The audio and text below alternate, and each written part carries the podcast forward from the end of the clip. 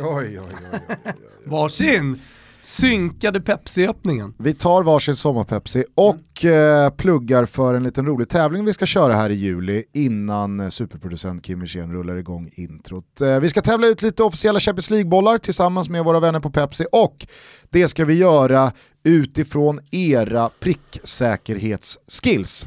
En boll, en flaska eller en burk Pepsi och sen så är det liksom kreativiteten eh, er. Exakt, eh, stillbilder har ju funkat jäkligt bra i tidigare grejer vi har kört. Man kan ju försöka med stillbilder även den här gången, men tror nog att det är bättre att eh, trycka fram videokameran och eh, jobba rörligt här. Ja men det tror jag också. Uh, man, man kan skjuta, alltså enkelt är väl man skjuter ner en flaska som står på en ribba, typ. Mm. Tänker jag. Ja. Men här går det ju att vara kreativ. Det går att vara kreativ eh, som alltid. Eh, hashtagga in era bidrag i eh, den numera legendariska hashtaggen TotoPepsi. Eh, du ska göra ditt bästa för att spänna bågen. Jag ska, ska göra mitt bästa för att spänna bågen och så ser vi helt enkelt vem som är bäst av alla. Vi dundrar på med det här från och med nu. Hashtag TotoPepsi, nu kör vi Toto Balotto.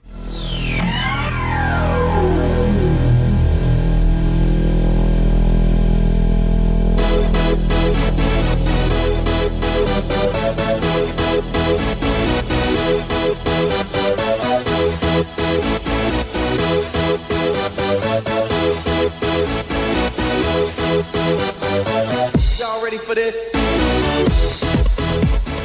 Varmt välkomna ska ni vara till Toto Balotto. Det är fredag den 10 juli. Sommaren står i full blom och fotbollen rullar på i både utlandet och här hemma. Hur mår du Thomas? Jo, jag mår mycket bra. Det var en rolig morgon och liksom vakna till de internationella tidningarna, framförallt de italienska. Och eh, då vet du vad jag pratar om. Bologna, tänker du? Tänk Bologna, ja, det är också kul. Jag tänkte på Zlatan Mm. Ah, och okej. jag tänkte på hans senaste uttalande som eh, då eh, måste ses som ett hån till Ralf Rangnick som eh, jag breakade för några månader sedan. Ja. Folk har fortfarande åsikter om min, min breakning. Jaha. Menar på att så här, jaha, där chansar du, men det där visste man ju redan. Typ så att det hade varit snack bland Milan-supporterna och det hade ju då gått rykten om att Ralf Rangnick skulle ta över eh, Milan. Men vadå? Men, Ma, de, alltså, så här, du, du, du bemöts med, med helgarderingen, du chansade och det där visste man. ja men typ. Vad är då chansningen? Ja, det kan man ju fråga sig. Alltså, det, jag, det jag då har eh, eh, helt säkra uppgifter på, det, är att, det var att så här, Ralf Rangnick har signat det klart. Mm. Det, det, här, här har ni det. Det är klart. Innan så hade det då varit rykten, men då menar de så här. Ralf ja, Rangnick kommer kliva in- in i Milan Ja. från och med säsongen Ja, men det, folk 2021. då, det folk då menar mot mig, det är att så här, ah, han har läst rykten om att Ralf Rangnick eh, ska gå till Milan. Då kliver han in och chansar. Så här, här har han möjlighet att chansa in Aha. en, eh, en, eh, liksom, en nyhet så att säga. Eh, det är inte så det funkar. Det är inte så du jobbar. Nej. Du har väl Det- aldrig tummat på sanningen. Framförallt så jobbar jag inte med den här typen av nyheter. Så, att, eh, Så när du, det väl, så- eh, när du väl kliver in, Hej, då har du på fötterna? då har jag på fötterna. Ah, Okej, ja, nej men eh, Zlatan har ju då i en stor intervju som kommer i, är det i Gazettan imorgon eller? Ja, det är i Gazettans veckomagasin Sport Week. Ah, okej. Mm. Ja. Så Och det- så har det kommit ut då lite sprängstoff-nuggets Mm. eh, redan idag. Mm. Och då går han rejält hårt åt eh, ja, Rangnick framförallt, Gazidis. men han är ju väldigt tydlig med då att eh, det här är ingen eh, adress för Ibra. Nej, Ibra hör inte hemma här och Milan hör inte hemma i Europa League och jag måste få bestämma annars är det ingen mening med att jag är kvar. jo han säger difficile che resti al Milan. Så det, det, det, det är svårt, jag har svårt att säga att jag stannar i Milan. Ja, ja och eftersom Ralf Rangnick är klar, Ja, om vi ska lita på dig, ja vilket det vi borde göra. göra. Det kan Ja. Alltså då kan man ju inte säga så om man har tänkt att vara kvar. Nej, Det exakt. är liksom, Nej nej, alltså in- det här var ju Zlatan- kan göra avskedsbrevet. det. Det här var avskedsbrevet, det här var han tydlig. Och det här är då i samband med att han och Diletta Liotta, italiensk eh, uppburen eh, tv-journalist, hon eh, är ju den största stjärnan på Dazon som är deras playtjänst för italiensk fotboll. Hon har hittat eh, ett jäkla tandem med Federico Balsaretti.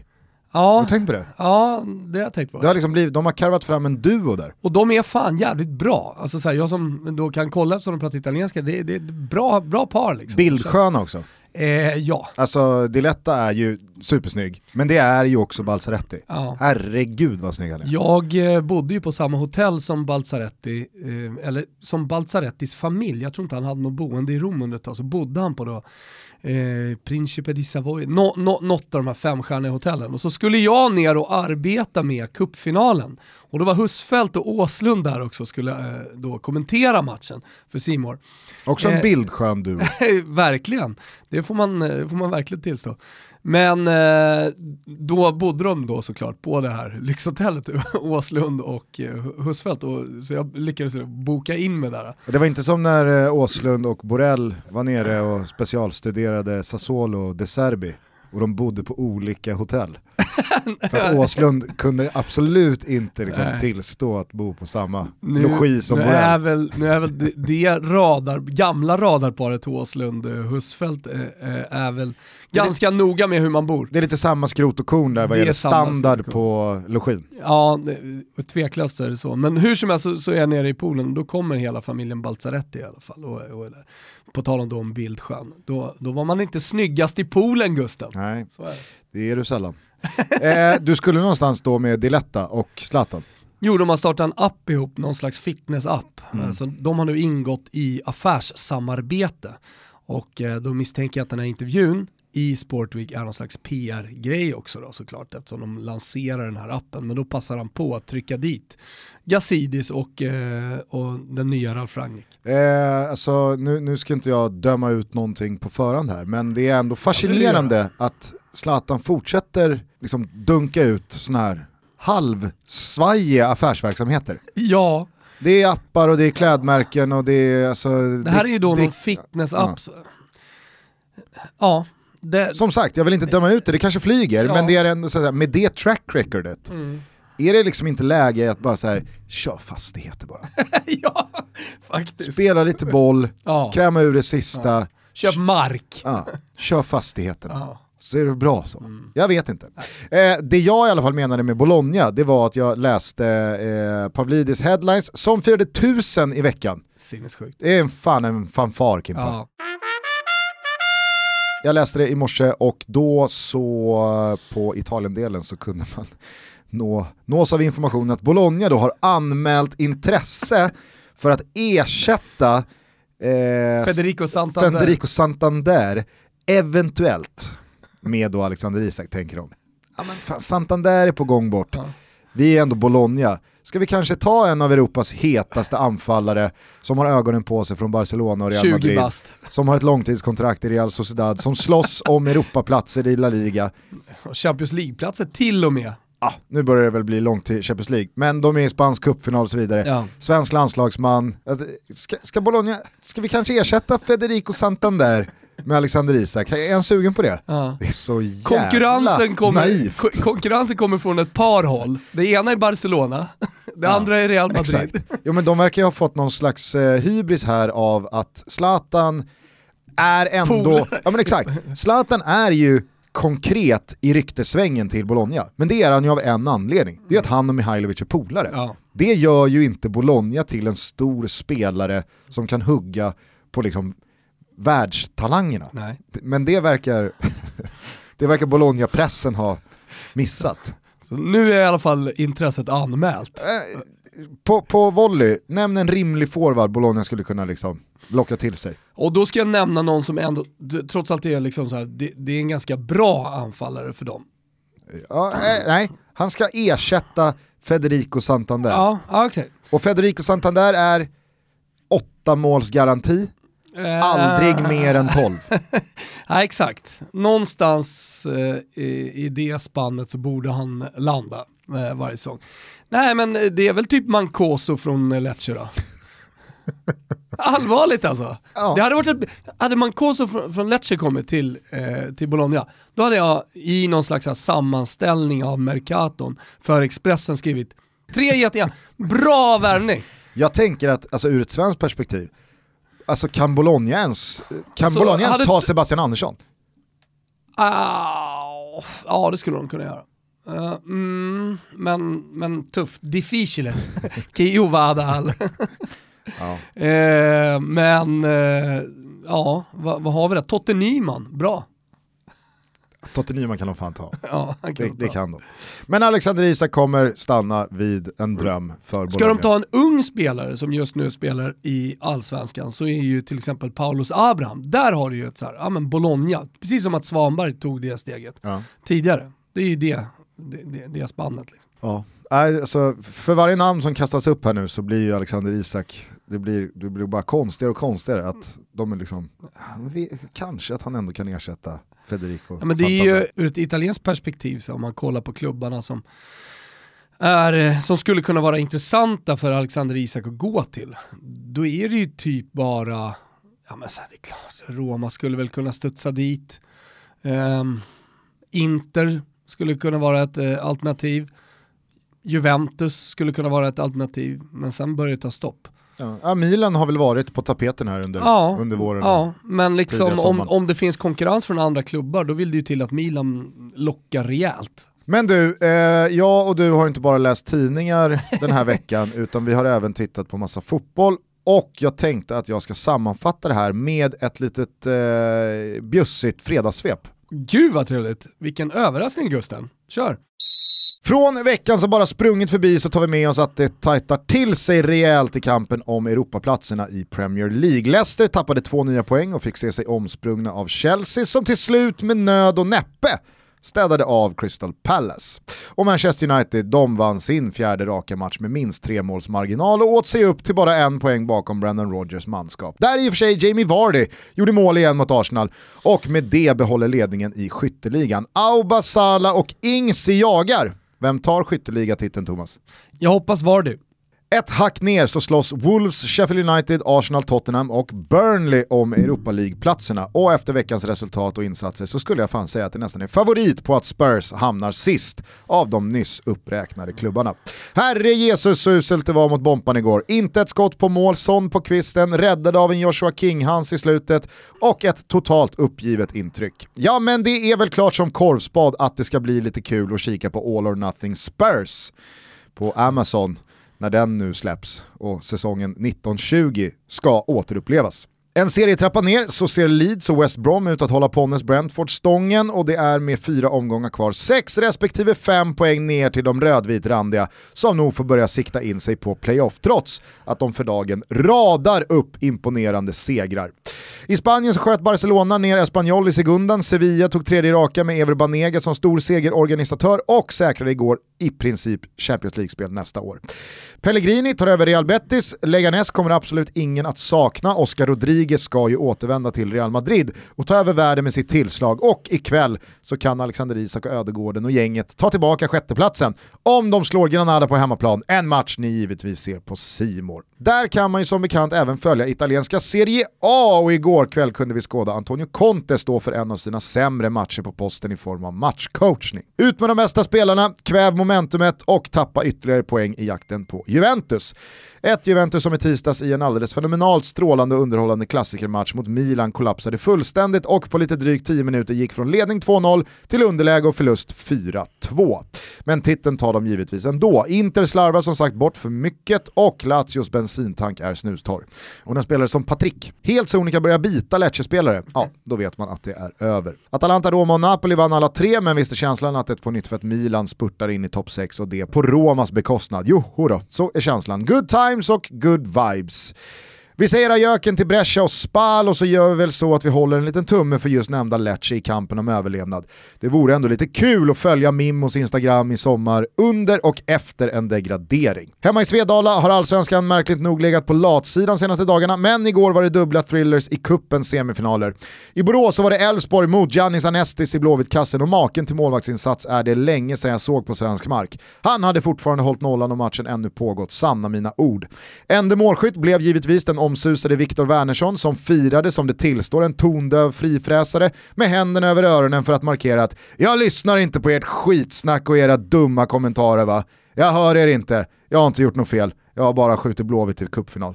Och på Strandvallen i Blekinge så kämpade Mjällby så tappert, så tappert för den andra finalplatsen. Men efter straffavgörande kunde istället Malmö FF kvittera ut biljetten till Ullevi och kuppfinalen mot Blåvitt.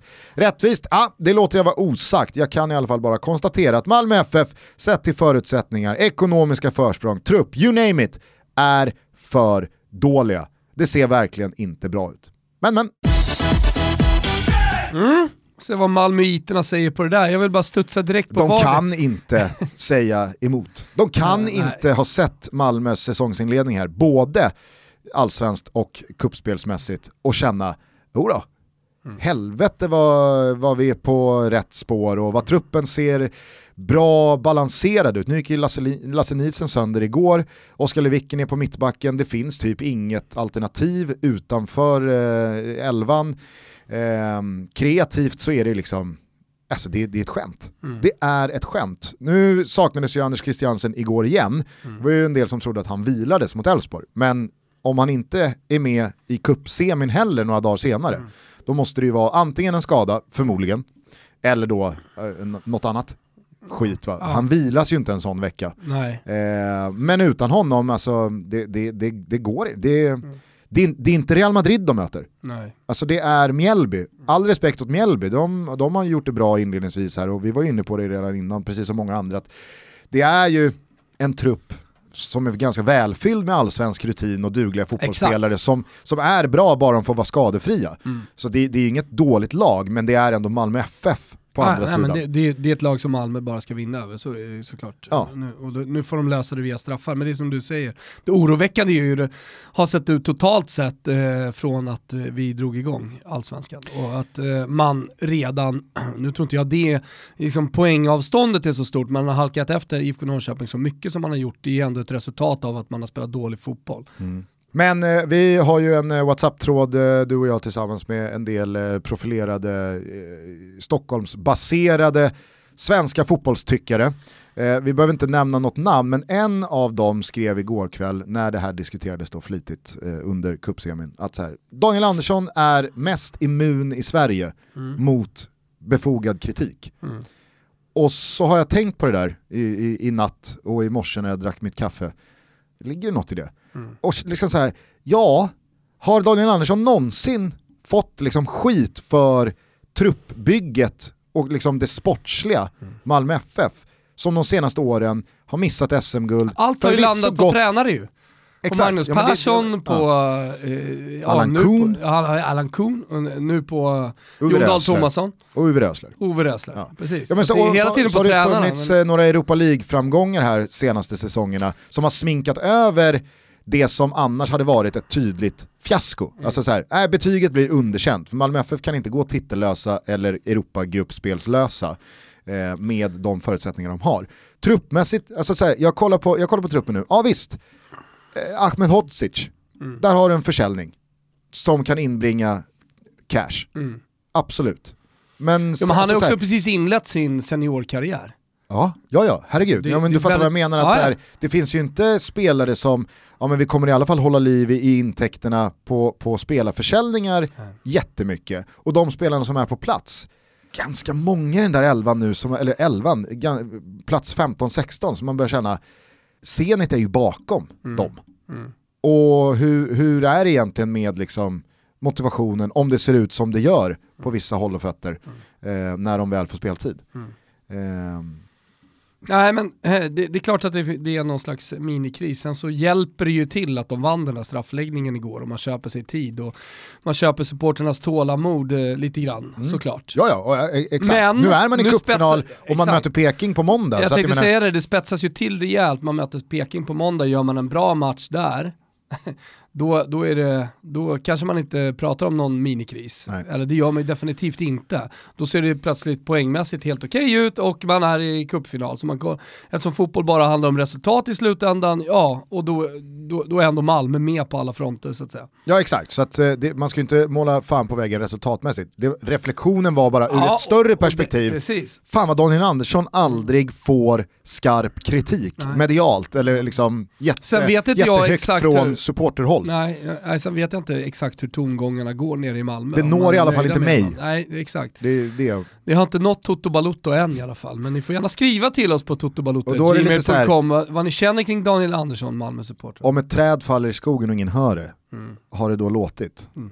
Alltså, så är det. Har det inte nått dig och mig, har det då ens hänt? Nej, så det, det kan man faktiskt, det, det kan man säga. Men du hade ju en jävla stark lina rätt in i MFFs omklädningsrum här tidigare under våren där du kunde berätta om att det har skurit sig ganska rejält och det är missnöje och sådär. Mm. Nej, det var nog inte min lina, men däremot en kollegas lina som jag litar väldigt mycket på. Okej. Så jag får kolla där och se hur, hur stämningen är. Ja. Jag tänker bara att det är ju också en del i då Jon Dahl Tomasson-rekryteringen som naturligtvis är Daniel Anderssons ansvar. Ja.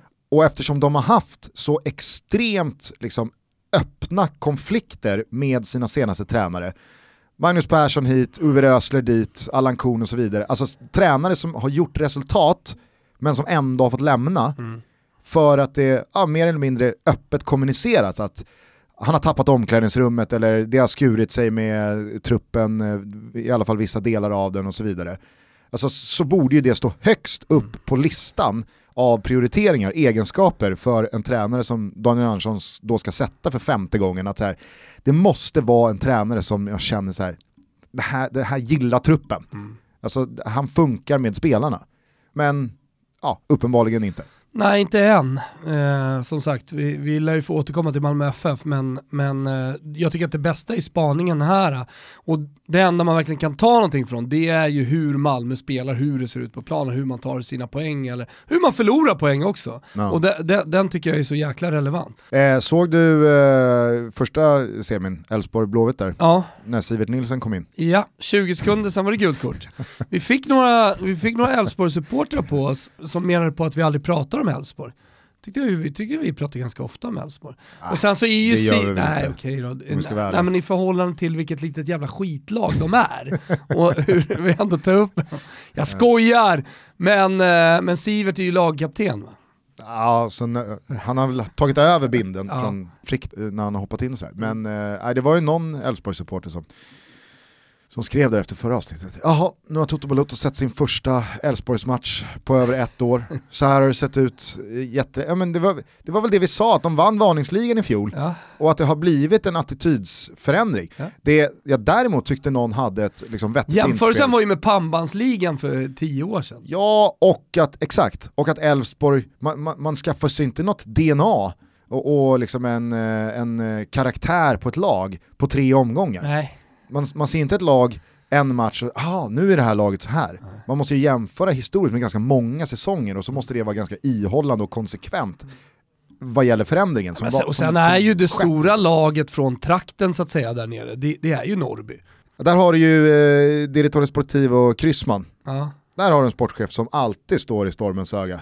Han, han, är, är inte, ja. han är inte immun mot Han kritik, immun, där, där är det högljutt. ja, Där är det högljutt. men Men det kan han ta också. han gör det bra.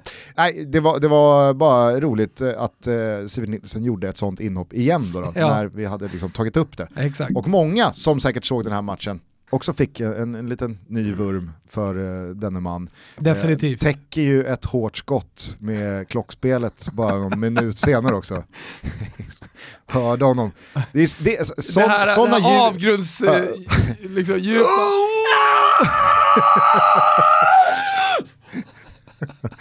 ja, det var roligt. Men vilken jävla målvaktsinsats det var från Anestis alltså. Ja, den är otrolig. Det var, eh, alltså det är, så, det är så många bra räddningar. Och det var verkligen som jag skrev i svepet. De hade kunnat spela i, i 500 minuter till. Han hade liksom inte släppt någon boll förbi sig. Mm. Så att, nej, det, var- det, var, det var kul att se. Kommentar på Viktor Wernerssons målgest? Vad ska jag säga?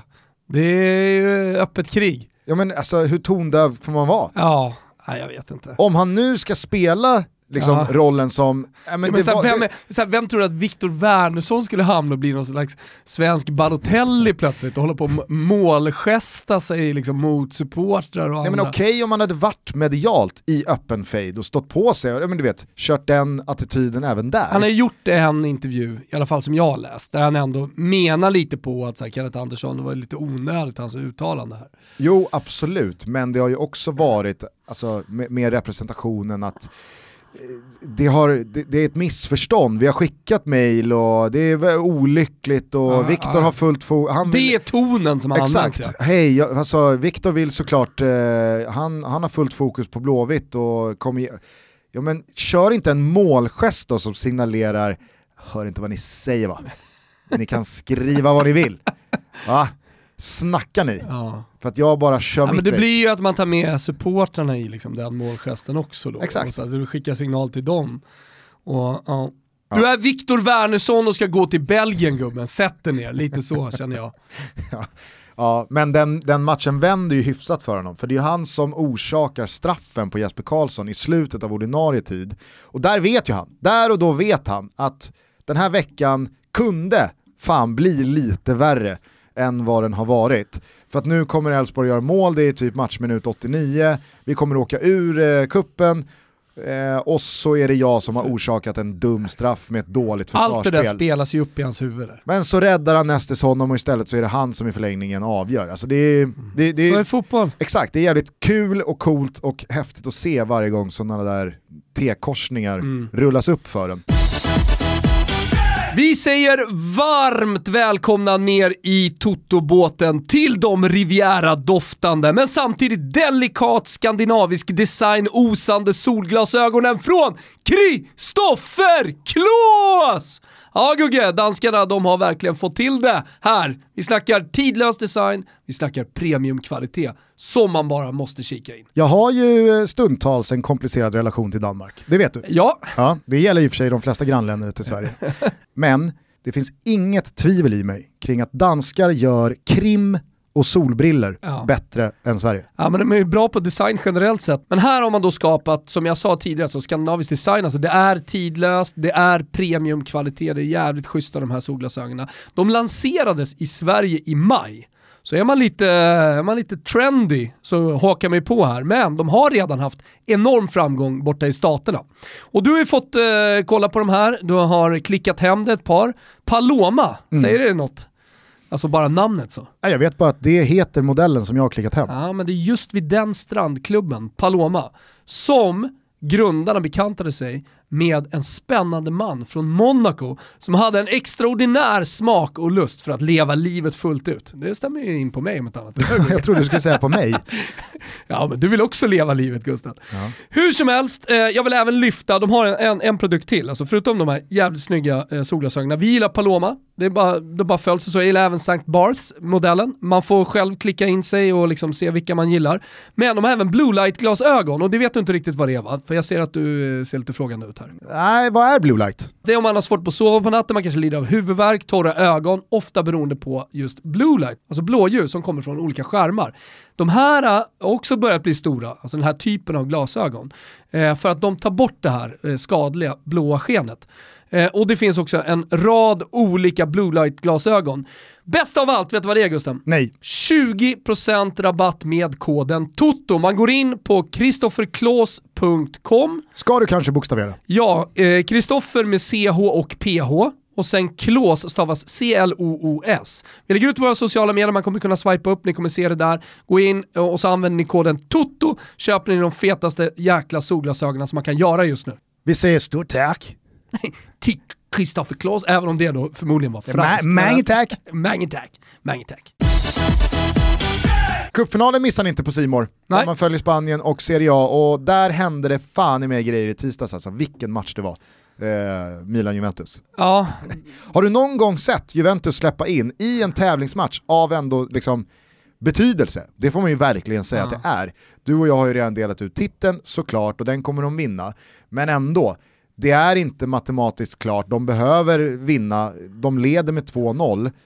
Nej, men ett lag som faller ihop sådär, alltså det är ju Aldrig sett Juventus ens släppa in tre mål på 10 minuter. Nej, och, och, så, som, som de faller ihop också är ju lite märkligt för de går inte ens in i närkamperna. Du ser Kessis mål, när han bara flyter igenom. Alltså Buffon, han sträcker ut ett ben.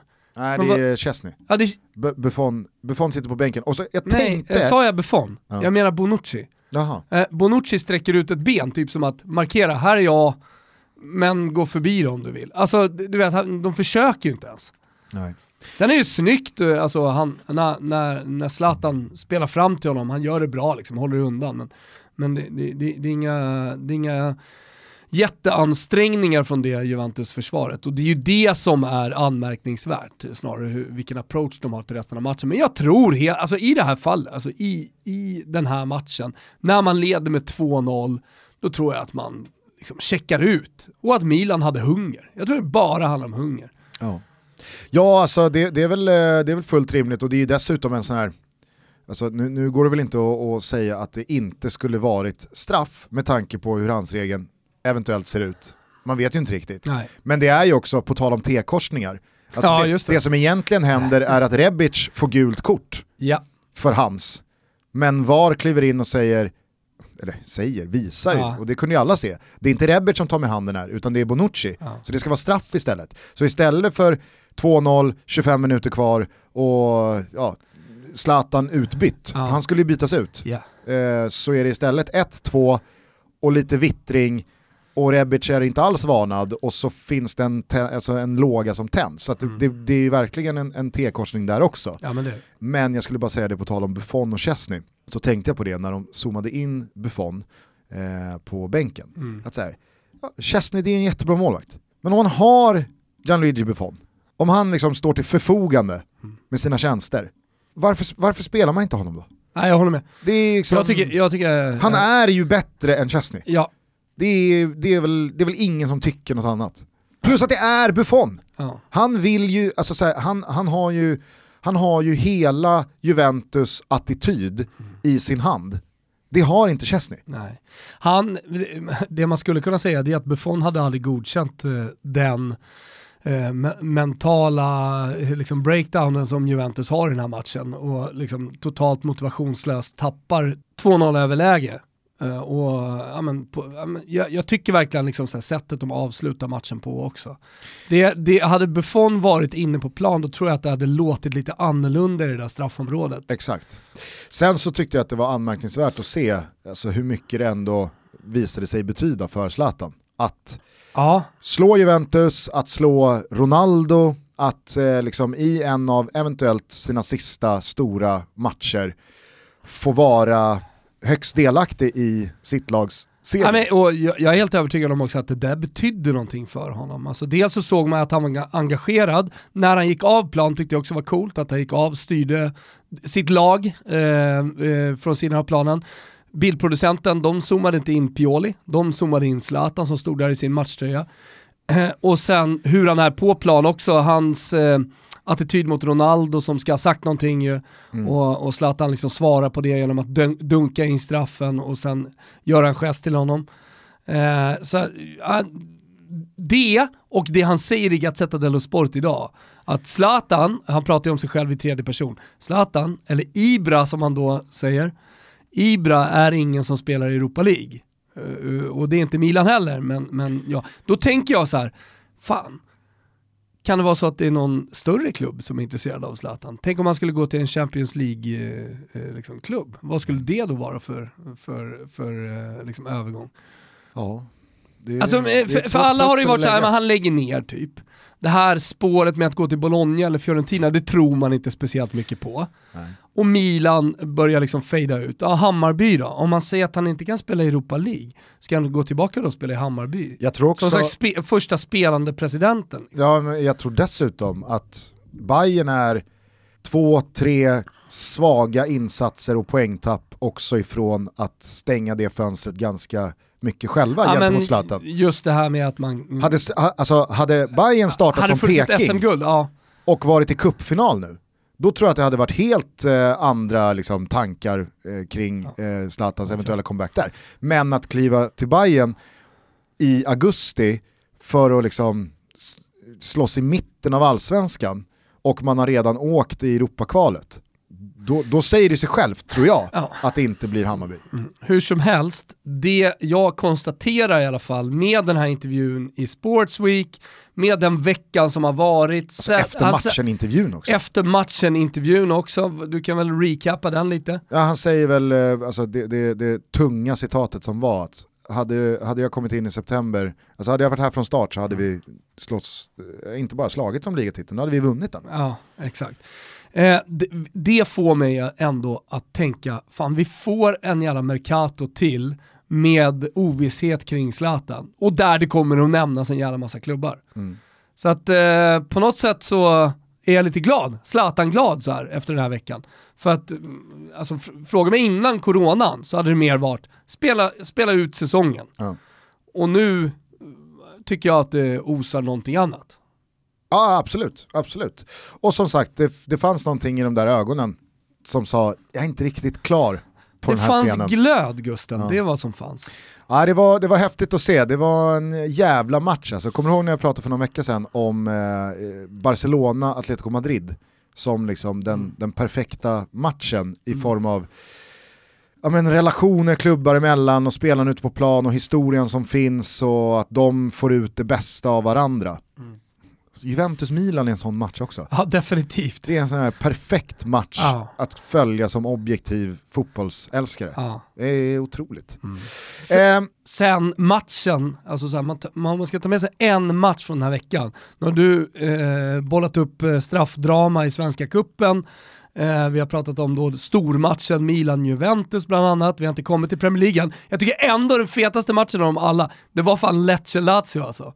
Den var otrolig! Ja men du vet såhär, du sätter dig framför en match, du har egentligen inga stora förväntningar. Och sen så får du allt. Känslopåslag, dramatik, eh, konstiga situationer, Patrick som biter eh, en motståndare, tar verkligen ett bett också. Alltså det, det, det, den, den hade verkligen allt. Och så Svanemar som kommentator som faktiskt bara går från klarhet till klarhet tycker jag. Och nu är han vår vän så att man kan tycka vad man vill om det jag säger där, men, men jag tycker verkligen att han är grym. Så hela paketet med Lecce Lazio, det, är- det, är den match, det är det jag tar med mig från den här veckan, alltså om, man, om man bara ska se det från rätt sportsligt.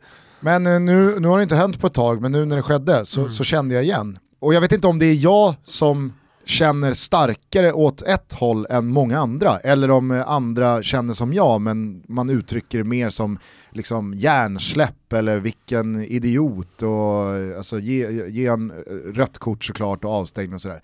Men när en spelare då som Patrik i det här fallet biter en annan spelare, alltså det, det första och starkaste jag känner, det, det är så jävla äckligt.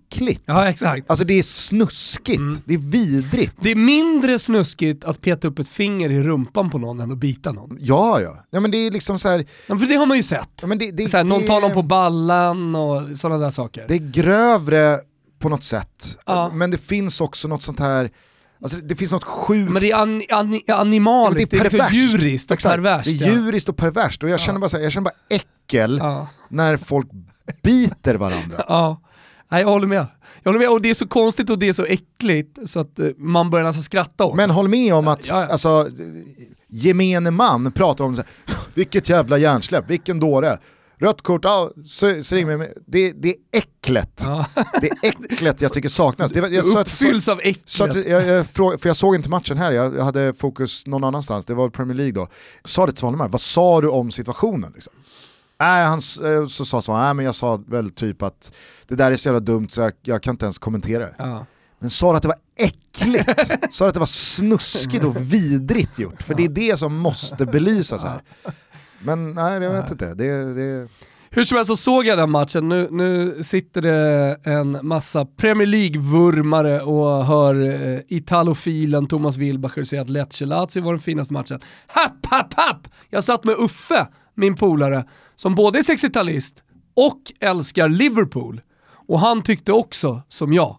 Och då var det inte att jag påverkade han tyckte den var en helt fantastisk match. ja, vad bra. Ja, jag vill bara liksom förtydliga det. Sen kan vi Uffe därifrån... lackmustestet. Exakt. Okej. Mm.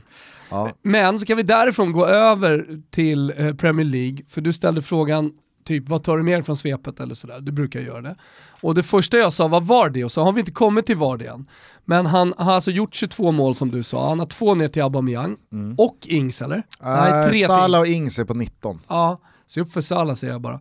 Men eh, eh, tj- 22 mål. Jesper Hoffman var ju här för några veckor sedan inför då eh, återstarten av Premier League. Mm. Och sen så gjorde vi ett spel som vi fick 16 gånger pengarna på borta hos Betsson. Ja. Och det var United att komma topp 4. Mm. Den känner man ju väldigt starkt för nu. Det får man säga. Ja, de kan till och med gå De har ju rent ett har vi sagt. extremt bra schema fram till sista omgången och där möter de Leicester. Ja. Om det nu skulle vara så att Om- Leicester har saker och ting i, i pole Exakt. position. Bompan ur känns också bra. Mm. Och sen Vardy då eh, skytteligavinnare, 16 gånger smeten. Skulle det vara så att Vardy gör, säg två mål i nästa match, Mm. så mår ju spelet ännu bättre i och med att det då är mot Bournemouth. Just det. Så att Vardy kan ju med liksom, steg mot skytteligatiteln skjuta ur Bournemouth. Mm. Och sen så gör United sitt parallellt. När vi ändå är inne på eh, och snackar om spel så kan vi säga det att vi har en Toto-trippel, vi går för trippen i Toto-trippen. Två raka har suttit, nu har vi en för ni, eller till nio gånger pengarna. Och eh, från Italien på måndag har vi plockat över i Inter Toro, båda har mycket att spela för. Eh, och Inter släpper in mål och Toro släpper in mål, fina anfallsspelare och så vidare. Belotti gör ju mål på straff. Ja, han gör ju det. Det är det som sker här. Ja, det Fattar ju vem som helst. fattar ju till och med Hillman. Västerås rak seger. Yes, möter Ljungskile på hemmaplan. Jag har sett en del Västerås här hittills under eh, Där har du en sportchef upptakten. som gör det bra. I Robin Blomé. Ja, absolut. Milanistan. Högprofilerad sportslig ledning där Ja. med Kalle Karlsson och Kristus och Robin Blomé. Vad Hur gör. Kalle i Västerås? Han vill ass. Han är ass. Mm. Ja. Eh, stod i ett alldeles för stort regnställ här i senaste hemmamatchen mot Gais. uppmärksammades på sociala medier. Asså. Eh, åkte de på pumpen eh, uppemot eh, Sundsvall här i senaste matchen, men vad fan Johan Blomberg och eh, Pontus Engblom, vem kan stå emot dem? Jag lägger inte så stor vikt vid det. Västerås är bra, det är ett lag för övre halvan definitivt och eh, hemma så ska man bara städa av ett eh, riktigt bortasvagt Ljungskile. Så att rak seger VSK. Sen eh, spänner vi bågen rejält då i matchen mellan Manchester United och Southampton och går på över 3,5. Här tror vi att det bara, det bara rasslar. Jo men alltså vad finns att eh, noja över kring Manchester United just nu? Nej, ingenting. Som jag sa i svepet, de vann igår sin fjärde raka match med minst tre måls marginal. Mm. Alltså bara United gör ju minst tre mål. Det, det, det fattar också Hillman. Mm. Alltså Mason Greenwood som vi ska prata lite mer om alldeles strax. Paul Pogba i symbios med Bruno Fernandes, Rashford ute till vänster, Martial längst fram. Ole tog ut spelarna i tid igår igen. Eh, och så kommer Southampton på besök som har slagit Manchester City och som har tagit poäng borta mot Everton här mot slutet. Och som har Ings som jagar jagar skytteliga. skytteligatiteln, de har säkrat kontrakt, de kan bara gå ut och köra. Så att jag, tror att, eh, jag tror att Southampton både kan göra ett och två mål i den här matchen, men Manchester United gör ju såklart sitt, så att över 3,5 är linan där. Där har ni den. Till nio gånger pengarna har vi boostat den från typ så här 7,50 som var det som stod. Så det, det, det är ett bra odds också, vi går för trippen. En sak som var lite rolig som jag bara kom att tänka på när du pratar om skytteligavinnare, eh, det är ju att eh, Cristiano Ronaldo nu har gjort 26, Ja. han, får, han gjorde ett mot Milan, eh, i- Ciro Immobile står på 29. Och känn ju flåset! Han vet ju att det är över. Det är över! Nu handlar det ju om för Chiro att göra 30 och nå liksom 30 Milstolpen. milstolpen. 30, ja, absolut. Så får ju har Ronaldo bara blåsa förbi. också, Ciro Immobile. Vad är det för sesse han gör, Gustav? Ja. Eh, hur som helst, eh, vi går för tredje raka, kaffe, kaka och hela eh, svängen va. Eh, ni hittar den här trippen som alltid under godbitar och boostade odds på Betsson. Ni behöver vara 18 år fyllda för att vara med och rygga det här spelet. Upplever ni att ni har problem med spel eller att någon i er närhet har det så finns alltid stödlinjen.se öppen. Glöm inte att skicka in er rygg i hashtaggen Tototrippen så kan vi tillsammans jobba in den här på måndag kväll. Det blir lite trevligt. Ska vi då kanske bara kort eh, beröra Mason Greenwood?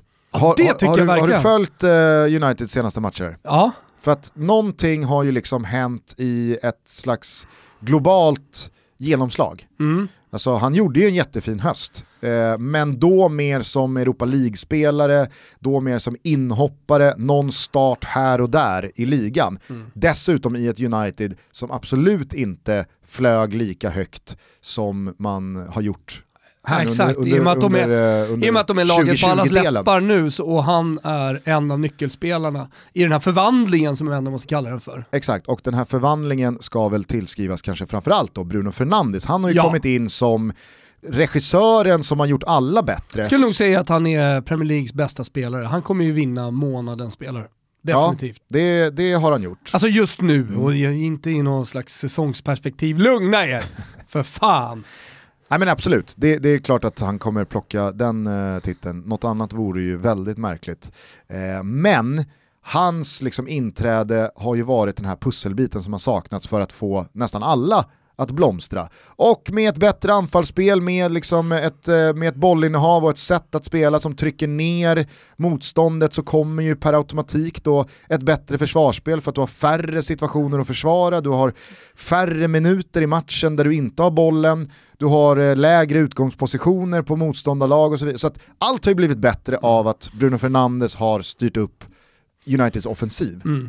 Men i den här miljön så har ju då Mason Greenwood verkligen exploderat här nu. Och är det någonting som sticker ut så är det ju hans jävla hästspark till mm. tillslag med båda fötterna. Mm. Alltså det bara smäller. Mm. Och så tänker man så här, hur kan en, jag tänker i alla fall så, hur kan en 18-årig spelare med de benen, alltså rent visuellt, rent muskulärt, ja, så sticker de ju inte ut på Nej. något sätt. Alltså jag säger inte att han är tanig och tunn, men det finns ju, alltså, ja, det är teknik va? När man såg Roberto Carlos liksom, tillslag på liggande boll han, så gick ju ändå det att härleda till, till de sinnessjuka ja. låren. Eller Clarence Sedorf eller alltså Jörgen... du, du håller på mycket med, du håller på Ronald mycket med Koeman skulle jag säga, så tänkte jag jag slänger väl in Jörgen Kohler också. Han hade väl... Han hade ett stort tillslag, det hade han. Ett långt, det var väldigt mycket tillslag på Jürgen Kohler. Ja. Nej, men då, då, alltså, när jag ser då Mason Greenwood nypa till med sina liksom, snärtiga vristskott mm. så känner jag så här, hur kan, inte, hur kan han skjuta så mycket hårdare mm. Än ja, men det alla är, andra? Det, det, är just det, det var, jag skulle vilja förklara det här för dig Gusten va? Alltså jag eh, förstår beskriva... ju också att det är teknik och bollträff. Och jag såg, jo, men det förstår jag såg Phil Mickelson sent igår kväll på Simor ja. på PGA-touren. Alltså han är 50 bast, han drog en drive 394 yards. Ja. Alltså det är så här... Nej, men, och, det, och det var egentligen dit jag skulle, skulle vilja komma, att idag så tränar kidsen jävligt mycket individuellt. Och när de tränar individuellt, det finns jättemånga individuella fotbollstränare då som, som kör, kan man då betala extra och så kan man sätta sig, sitt barn, tjej eller kille eh, hos, hos, eh, hos en tränare. Någonting som man tränar väldigt mycket på är just då tillslaget, där bollen kommer bakifrån, sida och, och allt möjligt. Och då är det väldigt mycket detaljer och vinklar, hur du sätter ner foten. Och du, du pratar om ett snärtigt skott, alltså, det, det, när vi var små, till och med när du var liten så pratade man inte om det här snärtskottet. Eh, alltså det, det är en väldigt, väldigt speciell teknik att skjuta på.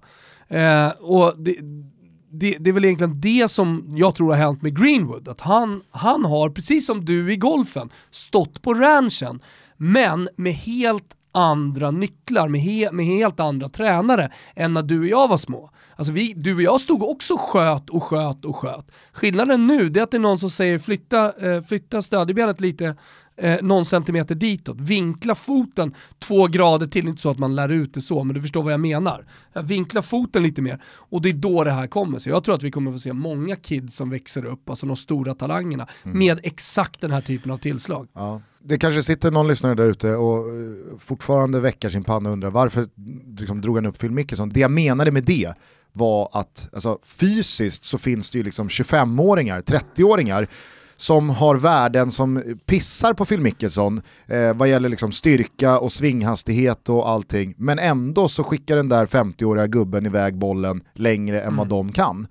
För att han har Ja, men det är som alla kast... Tekniken är på plats. Eh, exakt, men det är som alla kastgrenar handlar ju i grund och botten väldigt mycket, alltså i friidrotten, om också teknik. Mm. Eh, och sen så lägger du på styrka till teknik är det klart det blir ännu bättre. Mm. Ja, det är jävligt häftigt i alla fall att följa Mason Greenwoods framfart. Eh, någonting har ju uppenbarligen hänt och det är jävligt roligt att se också hur mycket spelare växer med självförtroende.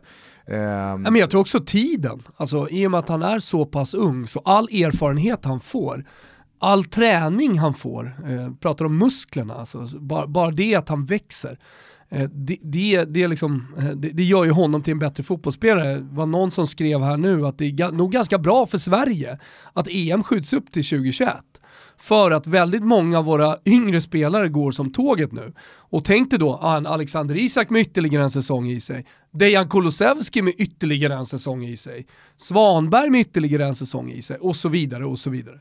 Så att det, det, det, och det, det gäller nog Mason, Mason Greenwood och han, om man då kollar på hans säsong. Jag tror han har tjänat på corona. Jag vet inte om Granen håller med, men Nej, eh, granen han... ur ett yngre perspektiv så förstår jag yngre vad du menar. perspektiv, absolut. Det är ju en jävla mäktig säsong eh, för engelsk framtid som görs. Alltså det är, det är, det är inte bara Vilka är Mason dina topp tre gubbar? Nej men alltså så här, Mason Greenwood har verkligen slagit igenom på allvar och visat att alltså, det här är ingen, det är ingen fluga det här. Nej. Han kommer inte svalna och hamna i Bristol City Nej. om ett och ett halvt år. Eh, Saka, Mm. Vilken jävla spelare Arsenal har fått fram där. Phil Foden, Mm. vad händer där då? Mm. Alltså det är ju, han är ju i princip klar att ta över från David Silva. Äh, När jag, David Silva lämnar här det, efter den här säsongen. Det tycker jag definitivt att Rätt in bara, Ja. det är bara att ta över. ja. Och så har du, jag gillar eh, Lamptey, en eh, ung liten ytterback från Chelsea som är på lån till Brighton. Har fått upp ögonen för rejält. Och så har du Jadon Sancho, eh, borta i Dortmund som eh, har gjort eh, kaos med Bundesliga och öst in poäng, både mål och assist. Och som väl ser ganska så Premier League-tied ut. Sen så återstår det att se om det blir United eller om det blir Chelsea eller om Manchester City kanske glider in från vänster och snor åt sig honom, det, det vet man inte. Eh, det, det ska väl göras någonting åt att Leroy Sané försvinner, David Silva lägger av Såklart. eh, och så vidare. Så att, mm. Mm. Det är en häftig jävla generation de har fått fram och så har du Declan Rice på det i West Ham som jag tror är redo för en större klubb snart också. Ah, det är, Det är målvaktsposten då som är problemet. Nej, det, alltså, så, nu har jag inte exakt... Du gillar Pickford? Nej men eh, alltså Pickford i all ära, det är inte någon favorit hos mig heller. Men du har ju Dean Henderson på lån i Sheffield United från Manchester United också, född 97, alltså han är 23. Alltså det, det är ett jävla lag, både England men kanske framförallt Manchester United håller på att få fram här. Ja. Jag bara känner, nu när du pratar om det här och man boostar upp det, och det kommer ju, herregud, det kommer det ju alltid göras inför mästerskap. Men eh, It's coming home-gänget, de, de känner ju puls här nu. Vad fick England för grupp? Som man har... Som, Som har zonat, jag tänker inte ens kolla, jag tänker inte ens kolla upp det. Nej, jag, jag Så kommer jag ingen- ens ihåg vad Sverige fick? Jo men det gör jag. Man Ja. fick Spanien och så fick man Tjeckien. Nej, Jo, nej. fick man inte? Vi fick väl ändå Irland? Nej, Irland, Irland ska ju fortfarande kvala. Ser du? du? Irland är i Nations League-kval för att ta sig dit, men vi spekulerar i att det blir England som vin, eller Irland som vinner. Vi får väl Bosnien eller Nordirland, det är det du tänker på? Du menar att Irland redan är klara? Vi möter väl för fan Irland i Dublin? Jag har fått för mig att vi har Tjeckien och att det kan bli Irland. nu måste vi kolla det här. Alltså Det Tjeck, helt- Tjeckien har vi Alltså, inte. hur- Polen va? Alltså, sluta, gör jag, Det var Polen Irland. Snubblar jag på öst, snubblar jag på Ja. järnridån alltså. Vi spelar i grupp E med Spanien som vi möter i eh, Bilbao? Mm. första matchen. Och sen så Polen i Dublin. Och vi eh, får då Bosnien, Herzegovina, Slovakien, Irland eller Nordirland. Mm. Ja. Där har du det. Tjeckien, Tjeckien äh, Tjeckien fel. ligger ju ändå nära Polen. Det gränsar ju till Polen. Tjeckien måste väl vara eh, den raka motsatsen till England just nu. Tjeckien känns slut Alltså, som fotbollsland. Tje- Det Tjeckien sändes ju spännande för sju år Det sedan. händer ingenting i Tjeckien. Och så kanske folk säger, ja men chic då. Ah. är det verkligen Ah, så? kanske. Visst, det har ju hänt grejer i Leipzig, det, det kan ju även jag tillstå också. Men jag, Jo, jo. jag såg honom i Roma, jo men det räcker För- inte för att bolla upp Tjeckien som ett intressant landslag. Det, det hade varit lite för mycket. ja det hade varit. Eh, du, eh, två korta saker bara. Eh, och du hörde kanske att jag nämnde Oscar Rodriguez i Mm, svepet. det Eh, hörde jag. Frisparksspecialisten från Leganes. Yes. Jag vill bara nämna honom. Okej, ja, ja, jättebra. Det liksom, eh, Jättefin spelare, men frågan är om ni- håller för att spela i Real Madrid. Har ni inte koll på den här spelaren, vilket är fullt rimligt att inte ha, han har varit på lån eh, i Leganes sedan förra säsongen, alltså 18-19 och 19-20. Fruktansvärd, om vi då pratar tillslag. Mm. Fruktansvärd på liggande boll. Mm. Också, jag tror han är född 99, Mm. 98. Mm. Spelare vi, vi tar med oss. Han skulle bara nämnas i mixen. Nej, men avslutningsvis så skulle jag vilja göra någonting så konstigt som att eh, tala om för svenska sportchefer vad som... Vad som Riktar du dig direkt till Daniel Andersson? Ah, jag skulle säga att jag riktar mig snarare direkt till Bosse Andersson. Jaha. Men eh, kanske också Björn Westström och Jesper Jansson. Mhm. Kanske Kneten. Mm. Kanske Sonny Karlsson. Men där vet jag att liksom så här, han, han kan köra en Viktor Wernersson. För det går ändå inte. Det går ändå inte ekonomiskt. Nej men, eh, jag var ute och eh, käkade middag med vår gode vän utrikeskorrespondenten här i veckan. Va? Jaså? Och eh, Danne har ju efter avslutat kontrakt i Aris kommit hem. Är just nu för första gången i karriären free transfer. Alltså han har inget kontrakt. Och jag tror... Och, Har han alltså, packat ihop Grekland? Yes, han har lämnat Thessaloniki Det och, och finns Sundgren inte en pinal kvar. Nej, de är väl eh, eventuellt i sådana fall på väg i någon långtradare i norra Tyskland just nu. Ja, okej. På väg upp. Men eh, Grekland är klart. Han är, han är just nu hemma och han vet att så här, ja, men jag, har, jag har mer att ge. Och jag, jag är jäv i målet, alltså det, det är klart att jag är det. Det är du också. Ja. Eh, så att eh, man, man kan lyssna på det här och så kan man eh, rycka på axlarna och fnysa åt det och säga alltså de håller bara på att uppa sin polare. Men jag är helt övertygad om att svenska sportchefer, supportrar också såklart, men nu är, det, nu, nu är det inte supporterna som kan göra någon skillnad här. Men jag tror att svenska sportchefer inte förstår vilken bra värvning Daniel Larsson hade varit till ett allsvenskt topplag. Han kostar lite pengar, det gör han ju. Alltså för att det, har man tjänat eh, de pengarna Dan har gjort under så många år som ut, alltså, man, man går inte att göra vad som helst. Som utlandskorrespondent. Exakt. Nej men man går väl inte att göra vad som helst för 40 brak i Nej. månaden i allsvenskan, bara för att. Utan då kan, det väl, då kan det väl vara i sådana fall. Men jag tror att med en, eh, en rimlig sign-on, Ja. alltså för det, det är ju det en free transfer-spelare Ja. vill ha. Det, är- Ja. det, det är väl ingenting att sticka under stol med. Nej. En rimlig sign-on, men vi pratar ju inte liksom Anders Svensson hem från Southampton 10 millar. Fick han det? Det fick han. Oj. Och sen en, eh, så här, en, en, en, en, en rimlig, bra allsvensk lön. Ja. Det är vad som krävs. Så tror jag att ett lag som Djurgården i Daniel får, En spelare som gör skillnad får, mellan... må- får målsnitt på 0,7. Det tror jag verkligen. Eh, och så lite poäng på det. För att Danne har ju i så många år här nu spelat i lag som har förstört hans siffror svart på vitt som anfallare. Han lämnade Sverige och Allsvenskan som en 10 plus Så 10 när- anfallare så när- när i ett SM-guldvinnande ja. eh, Malmö FF. Och så tittar man på Dannes eh, stats från de här säsongerna. Aha, han gjorde tre mål någon säsong och han gjorde två mål någon säsong och sen så gjorde han fyra mål någon säsong. Och så tror jag att man bara avskriver en sån spelare och tänker att nej men det är inte det vi kan. Men det man måste göra är att skrapa på ytan, peel the onion och förstå att han har spelat väldigt mycket ytter i lag som har slagit sig i botten eller i mitten.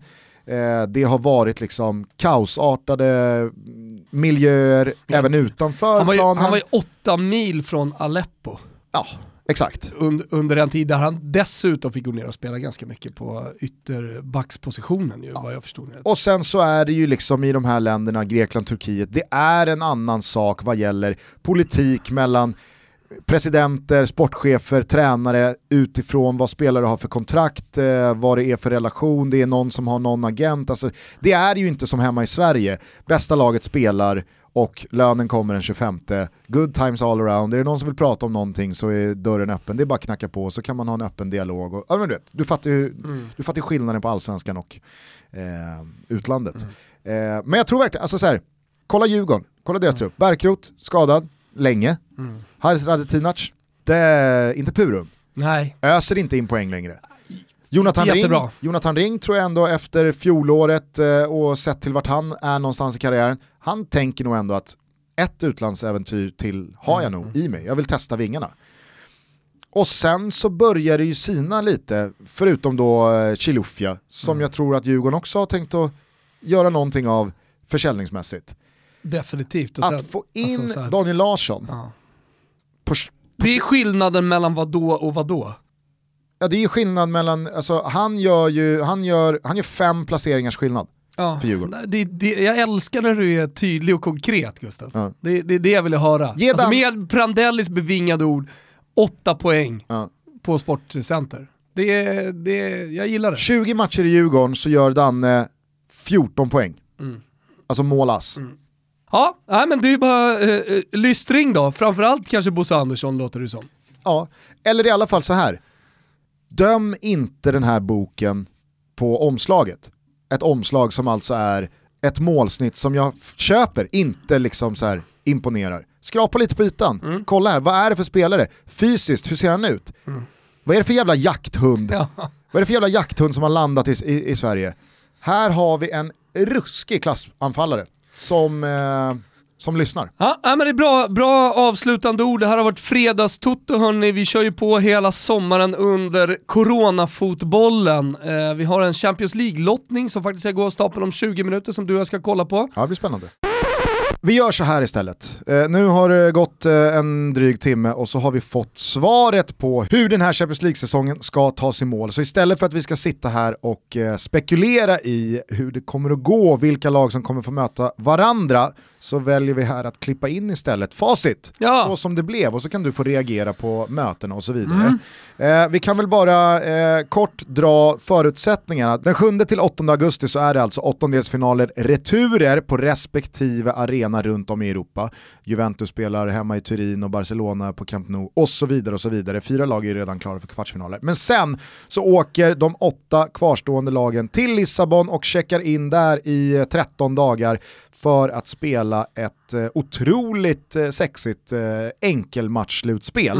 12-15 augusti så är det en kvartsfinal per kväll, 18-19 augusti så är det semifinaler och den 23 augusti så är det final på Estadio da Luz i Lissabon. Och lotterna föll som så, Real Madrid eller Manchester City. Manchester City har ju verkligen eh, fördelen där, leder ju med 2-1 sen eh, Bernabeu-matchen.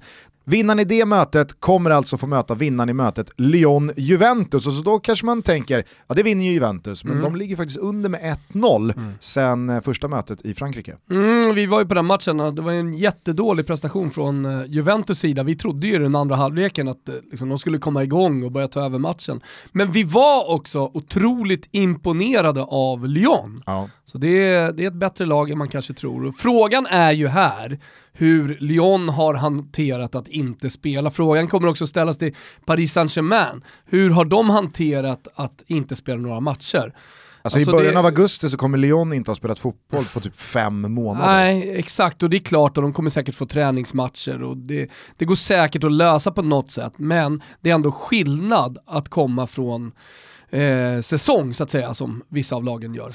Det går ju heller inte att komma ifrån eh, lockelsen att om nu Real Madrid skulle vända på underläget mot Manchester City och Juventus skulle göra samma sak mot Lyon så har vi alltså Cristiano Ronaldo mot Real Madrid Mm, det är i en. Champions League-kvartsfinal. Ruskigt sexigt.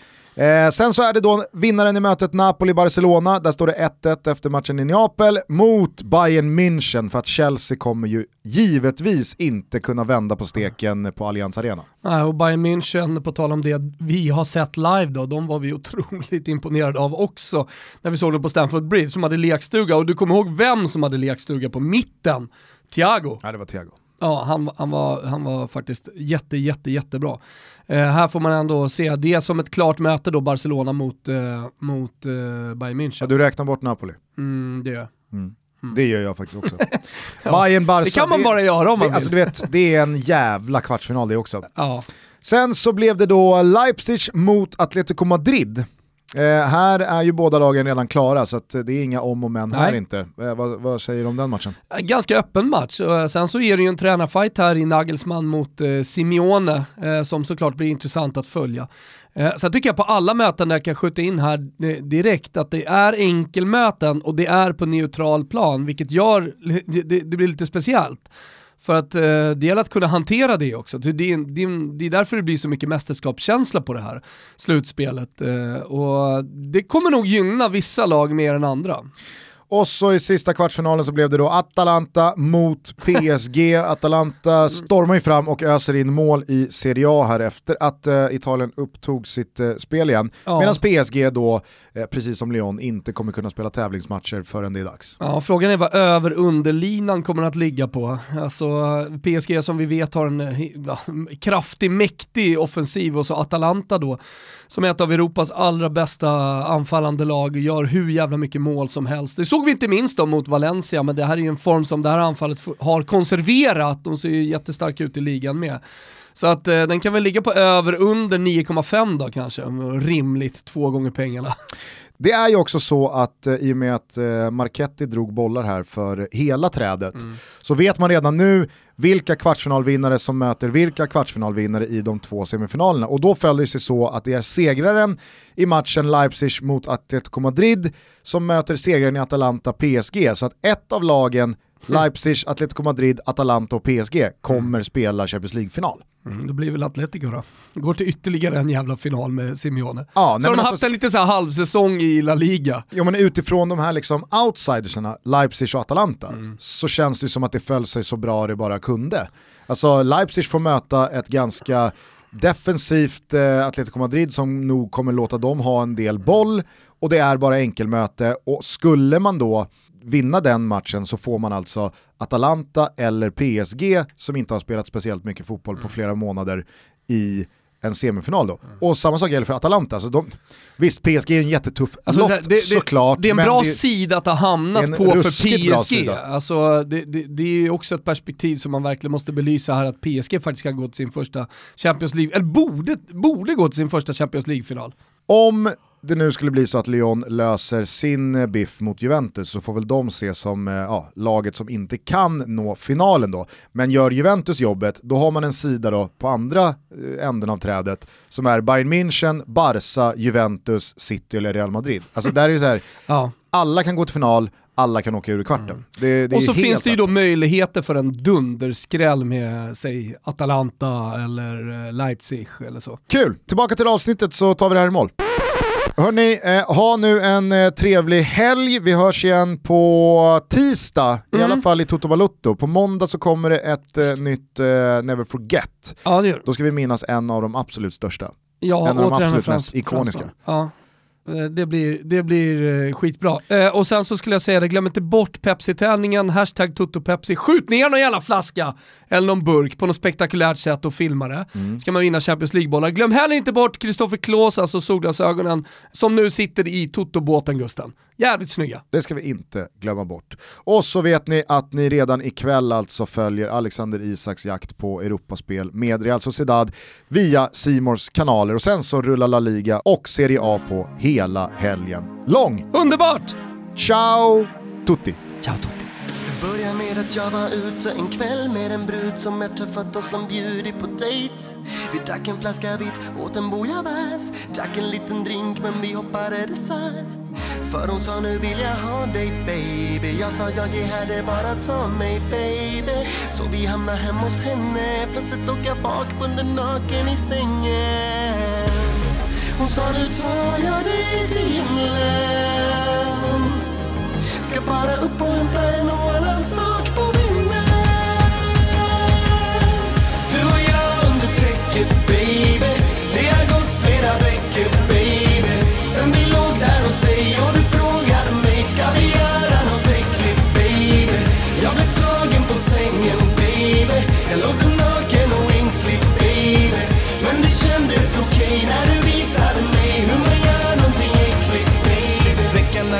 så fort, jag har fått fett mycket gjort. Men jag känner mig